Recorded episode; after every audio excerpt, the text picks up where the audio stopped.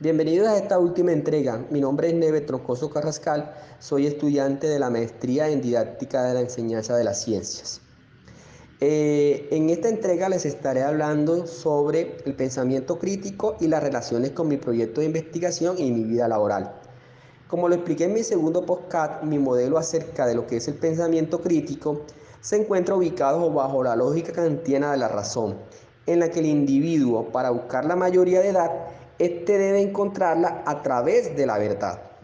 la cual se obtiene haciendo uso de la razón, en la que se involucran elementos más que todo cognitivos y comunicativos. Bueno, dentro de los elementos cognitivos se encuentran aquellos implicados en la comprensión del contenido eh, y los puntos de vista, el análisis de las líneas de razonamiento y la identificación y evaluación de deficiencias e inconsistencias lógicas.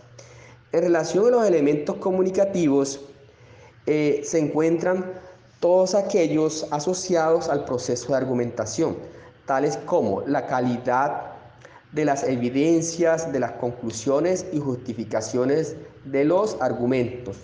los cuales pueden incidir eh, en recursos retóricos eh, distorsionantes o falsas analogías.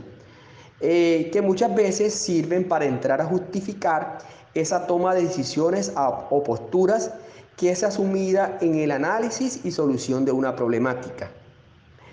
Eh, en cuanto a mi proyecto de investigación, el pensamiento crítico no corresponde a una categoría principal a analizar, pero sí pretendemos que el estudiante lo ejecute en los distintos procesos de análisis, explicación y toma de decisiones en relación a los distintos fenómenos sociales y ambientales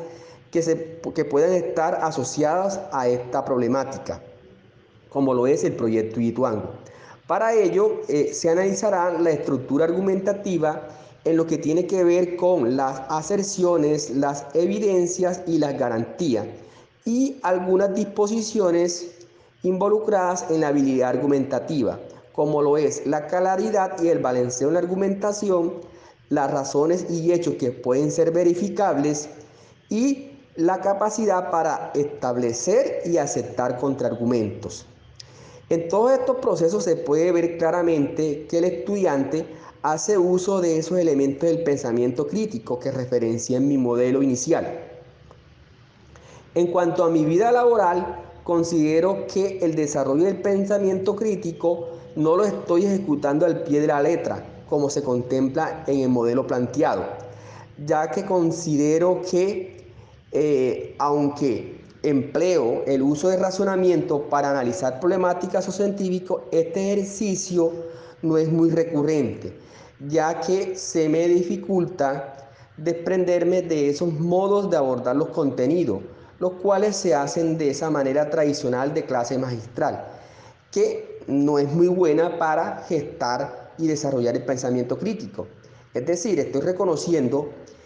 que solo estoy trabajando el pensamiento crítico en lo que tiene que ver en las labores de transferencia, eh, que es realizada más que todo cuando ya he evacuado el contenido establecido en la temática o en la unidad. Por esta razón considero a título muy personal que la estructura curricular que vengo trabajando eh, que está centrado mucho en contenido, no es una práctica muy buena que ayude a la construcción de buenos pensadores críticos. Eh, comento un dato muy interesante. Actualmente me encuentro vinculado a un proceso que viene liderando la profe de lengua castellana de mi institución, la cual busca a través de procesos de lectura crítica incentivar y desarrollar pensadores críticos. Este es una buena, eh, un buen momento y una buena estrategia que eh, debo aprovechar para entrar en, asocio con otros compañeros docentes eh, un desarrollo conjunto del pensamiento crítico en los estudiantes de mi institución. Esto ha sido todo. muchas gracias por este ejercicio que me pareció muy interesante y muy enriquecedor.